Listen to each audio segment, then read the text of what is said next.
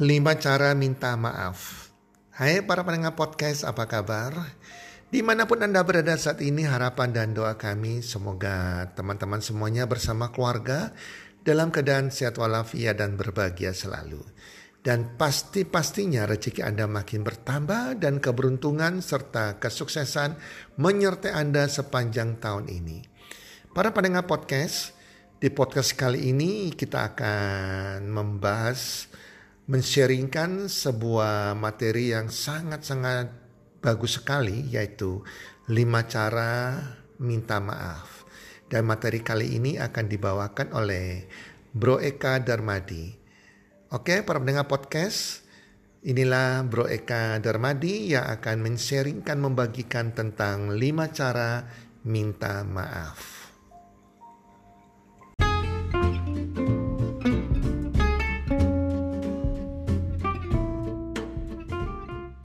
Halo teman-teman, pada episode podcast kali ini adalah 5 cara meminta maaf. Nah, materi ini dikembangkan oleh Gary Chapman ya teman-teman ya. Nah, kenapa sih kok ada 5 cara untuk meminta maaf?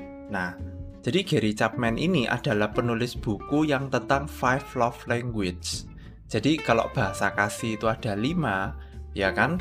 Setiap orang memiliki preferensi bahasa kasihnya masing-masing. Nah, saat ini untuk kita bisa meminta maaf, itu pun juga ada lima bahasa yang berbeda, teman-teman. Nah, kenapa sih kok kita ini penting banget untuk meminta maaf? Karena di dunia ini itu tidak ada yang namanya orang yang sempurna, teman-teman. Setiap kita pernah dilukai atau melukai orang lain juga. Ya kan? Nah, kita coba renungkan, selama ini kita tuh seberapa sering sih kita ini kalau ada salah itu meminta maaf, ya kan? Dan seberapa sering juga orang yang kita mintain maaf merasa kita ini sudah minta maaf sama mereka. Atau malah dirasa, oh kamu itu cuma sering ngomong sorry-sorry tapi tidak ada perubahan. Nah, hal-hal itu bisa terjadi kenapa? Karena buat mereka, minta maaf itu tidak hanya sekedar kamu bilang I'm sorry, aku minta maaf, tidak hanya sekedar itu gitu loh. Nah, menurut sebuah survei, ya kan, 10% dari populasi pria di dunia itu jarang banget bilang I'm sorry atau minta maaf. Kenapa? Karena ada sebuah quotes yang mengatakan real men don't apologize. Tapi aku merasa pernyataan ini ya tidak sepenuhnya benar juga ya. Karena ketika kita itu mengakui kesalahan kita minta maaf itu bukan berarti kita itu adalah pribadi yang lemah. Justru ketika kita itu bisa minta maaf duluan kita itu adalah se seorang pribadi yang lebih kuat gitu loh. Karena kita ini mau untuk speak up duluan. Nah teman-teman kan di sini tahu ya pentingnya kita itu harus minta maaf itu ya tentunya untuk menjaga supaya hubungan itu tetap berjalan dengan baik. Nah hubungan ini nggak hanya bicara soal pasangan aja ya teman-teman ya, tapi hubungan di dalam pertemanan, di dalam pekerjaan, di dalam keluarga kita, papa mama misalnya itu juga penting sekali untuk kita itu saling maaf-maafan, saling memaafkan juga. Nah, tapi di sini tidak semua keluarga itu memberikan didikan atau melatih anak-anak mereka untuk ketika anak-anak ini salah, mereka itu harus minta maaf gitu loh. Bisa jadi orang tuanya dari anak ini lahir sampai gede, orang tuanya tidak pernah memberikan suatu contoh bagaimana seorang ayah minta maaf sama mama atau seorang mama minta maaf sama papa kalau ada salah atau bahkan mungkin orang tua yang minta maaf ke anak kalau mereka ada salah. Tapi nggak apa-apa, apa pun yang menjadi background kalian, hari ini yuk kita sama-sama untuk belajar ada apa aja sih cara-cara untuk meminta maaf gitu loh. Nah, terkadang ada orang yang merasa ya, ketika orang itu bilang sorry, eh maaf ya, gitu ya, itu bagi orang yang mendengarkan, itu tidak tentu dianggap kalau kita ini udah minta maaf. Yang ada di dalam benak mereka kadang wah apakah orang ini cuma ngomong aja ya cuma ngomong sorry sorry tapi di dalam hati tidak tulus gitu loh tidak tulus benar-benar minta maaf nah jadi ini Gary Chapman ini melakukan sebuah penelitian di mana penelitian ini dikasih dua pertanyaan ya di sejumlah populasi orang. Yang pertanyaan pertama itu seperti ini teman-teman. Jadi pada saat kamu salah dan kamu itu minta maaf, ya kan? Apa yang kalian katakan atau lakukan, ya kan? Itu pertanyaan pertama. Nah, pertanyaan kedua, saat orang meminta maaf kepada kamu, ya kan? Apa yang kamu katakan atau lakukan? Nah, dari dua pertanyaan ini dan sejumlah populasi orang, ya kan? Maka disimpulkan ada lima bahasa untuk minta maaf, teman-teman ya. Nah, oke, sekarang kita masuk ke bahasa yang pertama ya. Bahasa yang pertama adalah expressing regret. Nah, expressing regret ini gimana sih? Jadi ketika teman-teman apa ya berbuat kesalahan gitu ya, kita ndak ndak boleh hanya bilang maaf ya tapi kita ini harus tahu kita ini maaf itu buat apa contoh nih misalnya maaf ya tadi kata-kata aku tuh agak kasar. Atau misalnya gini maaf ya tadi gara-gara aku lembur aku akhirnya pulang ke rumahnya ini telat. Nah jadi untuk orang di kategori yang pertama ini ya tak ya kan itu kalian harus memberikan alasannya. Kenapa? Kalian sadar nggak? Kalian salah itu kenapa? Ya kan jangan cuma bilang sorry tapi nggak tahu salahnya di mana gitu loh. Jadi itu adalah contoh yang apa yang kategori pertama ya. Jadi intinya adalah kalian kalau bilang minta maaf ya kan harus disertai dengan alasannya gitu loh. Tapi please ya ketika kalian bilang sorry maaf ya aku terlambat datang. Please jangan ditambahi kata tapi tapi kan kamu tadi nggak ngasih jam yang tepat jadi aku yang nggak tahu. Jadi seolah-olah kayak menyalahkan balik orang itu. Nah itu jangan. Jadi bener-bener cuma pure kita bilang sorry kemudian alasannya sorry tadi kata-kataku agak kasar. Sorry tadi aku terlambat datang sudah itu aja ndak usah ditambahi tapi tapi. Sorry ya tadi aku ka kata-kataku kasar tapi kamu yang bencek no ya jangan seperti itu nanti tambah marah ya. Nah yang kedua adalah accepting responsibility. Nah accepting responsibility ini kayak gimana? Gitu loh. Ya ketika kita minta maaf ya udah bilang sorry ya aku yang salah. Gitu.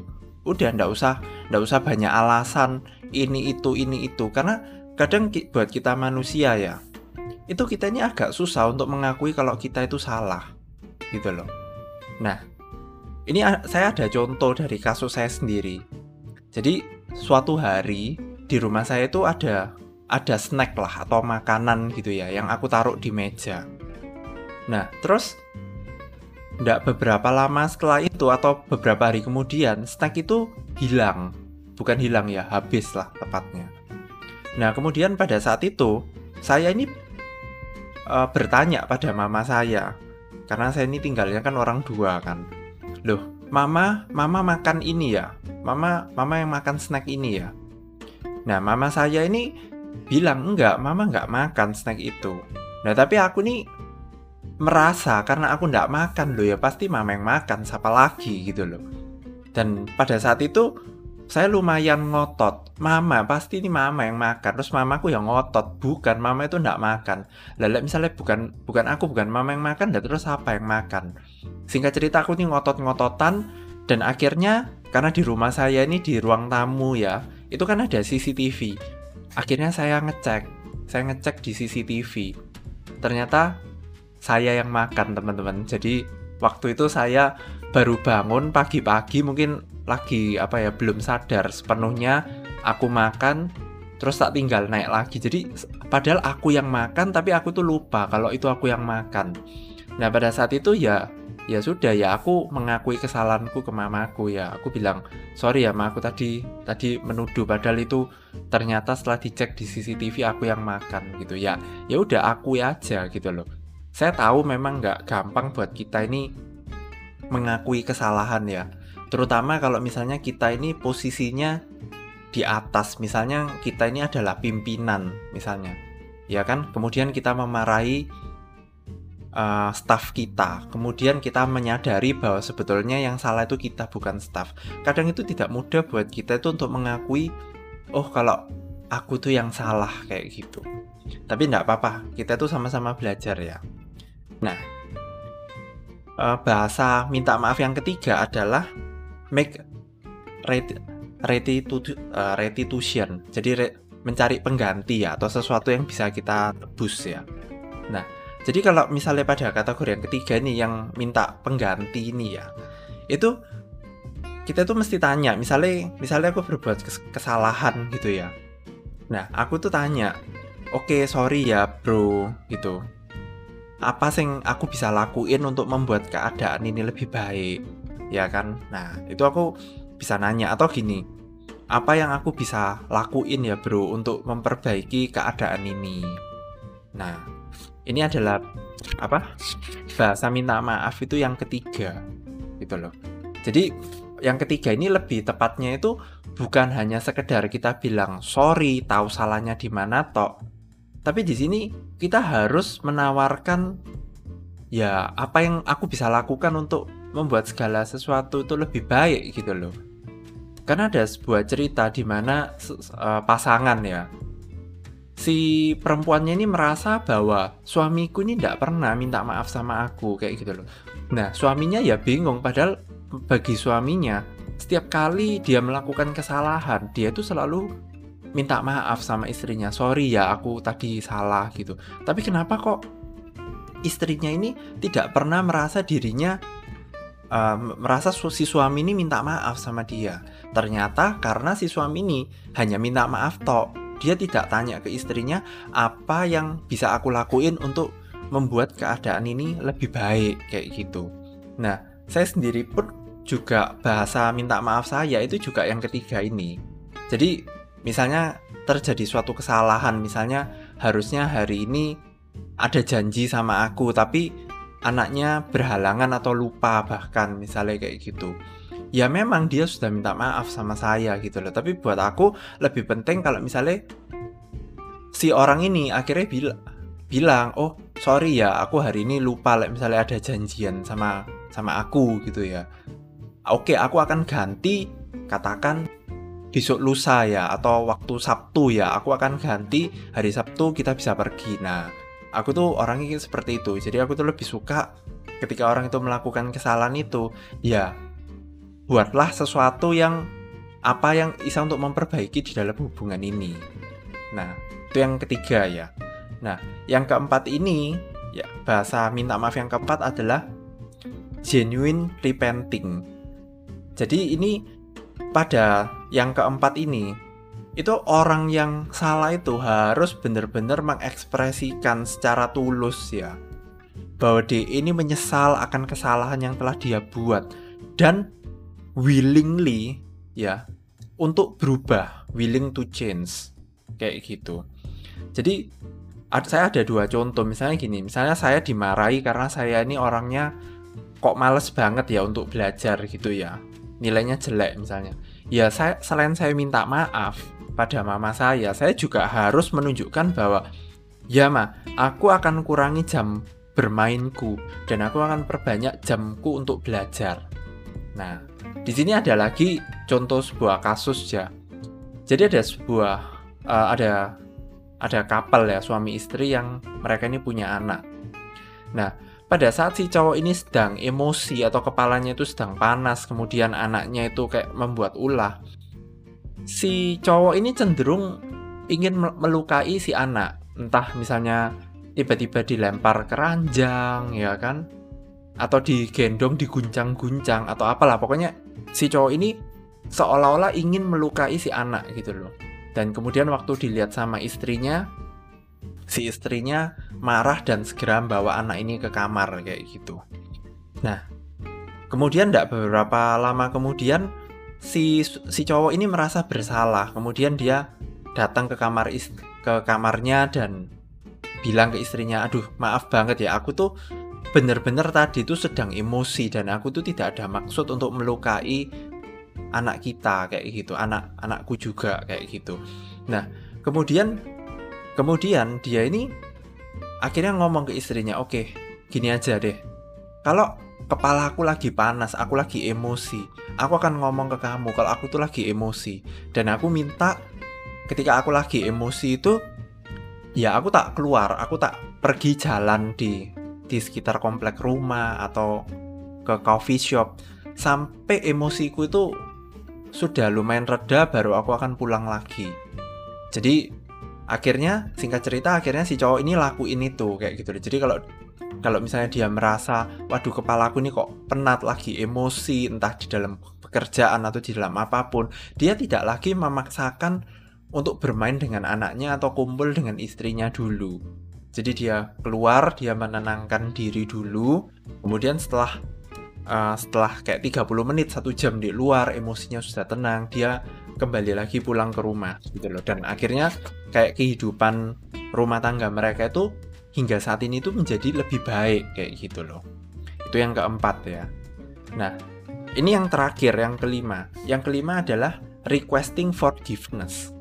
Nah ini mungkin kedengarannya kurang familiar ya tapi kayak gini ada orang yang merasa bahwa dirinya nggak pernah diminta maafi. Loh, tentu orang-orang bingung dong lah. Masa orang-orang selama ini ketika berbuat salah nggak pernah minta maaf sih? Pasti pernah dong. Nah, itu karena bagi orang ini ya toh. Misalnya aku salah sama dia. Dia itu pengennya apa? Aku tuh bertanya pada DE. Ya kan? Halo bro, apakah kamu bersedia untuk memaafkan aku nggak? Nah, Terus kemudian dia bilang, ya aku bersedia maafin kamu. Nah, baru pada saat itu dia merasa bahwa aku tuh sudah minta maaf sama dia. Gitu loh. Simple, ini ini lebih simple lagi sebetulnya. Cuma kita ini jarang untuk kepikiran pada orang yang kategori ini. Karena bagi kita, kebanyakan, ketika aku bilang say sorry, pasti 100% diterima sorryku. Padahal enggak. Ada tipe-tipe orang di mana kita itu harus nanya, eh sorry ya, aku sudah melakukan kesalahan ini ke kamu. Kamu mau nggak maafin aku? Nah, itu juga perlu. Nah, mungkin kalian bingung nih, kalian dari nomor 1 sampai nomor 5 itu yang mana? Mungkin kalian bingung. Nah, di sini ada tools online-nya untuk tesnya. Ya kan, free. Kalian ketik aja di Google tulisannya apology quiz. Ya, nanti nanti di situ itu ada ya dari five love language gitu ya.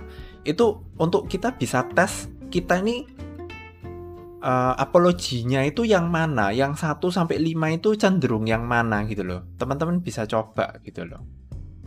Nah penutup dari dari saya adalah ketika kita tuh mengampuni ya kan? Memberikan pengampunan atau meminta maaf lah. Itu tidak berarti kita itu menghilangkan semua kesakitan secara emosional dari orang itu atau ketika kita minta maaf, kita melupakan segala konsekuensi yang terjadi. Atau ketika kita minta maaf, sudah pasti 100% rasa trust itu kembali ke kita. No, tapi kita, tidak seperti itu ya teman-teman ya. Tapi ketika kita meminta maaf ya, ya kan, itu adalah membuka sebuah pintu untuk kita itu bisa membangun kembali yang namanya trust dengan orang itu gitu loh. Memang butuh waktu, butuh proses, tapi at least dengan kita minta maaf itu akan menjaga hubungan hubungan kita itu lebih baik. Nah, oke. Okay. Dan yang terakhir, uh, coba kalau misalnya boleh ya, teman-teman coba renungkan, ya kan, selama ini teman-teman di dalam keluarga teman-teman atau di dalam circle teman-teman ada nggak sih orang-orang yang masih membuat teman-teman jengkel? Atau mungkin orang-orang yang teman-teman udah pernah sakiti pada entah sengaja atau enggak sengaja yang kita tahu atau enggak tahu.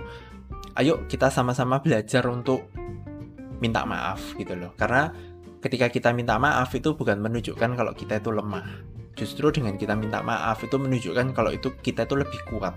Lebih kuat dari ego kita dari emosi kita seperti itu ya teman-teman. Semoga dari edisi podcast kali ini bisa memberikan inspirasi buat teman-temannya. Terima kasih.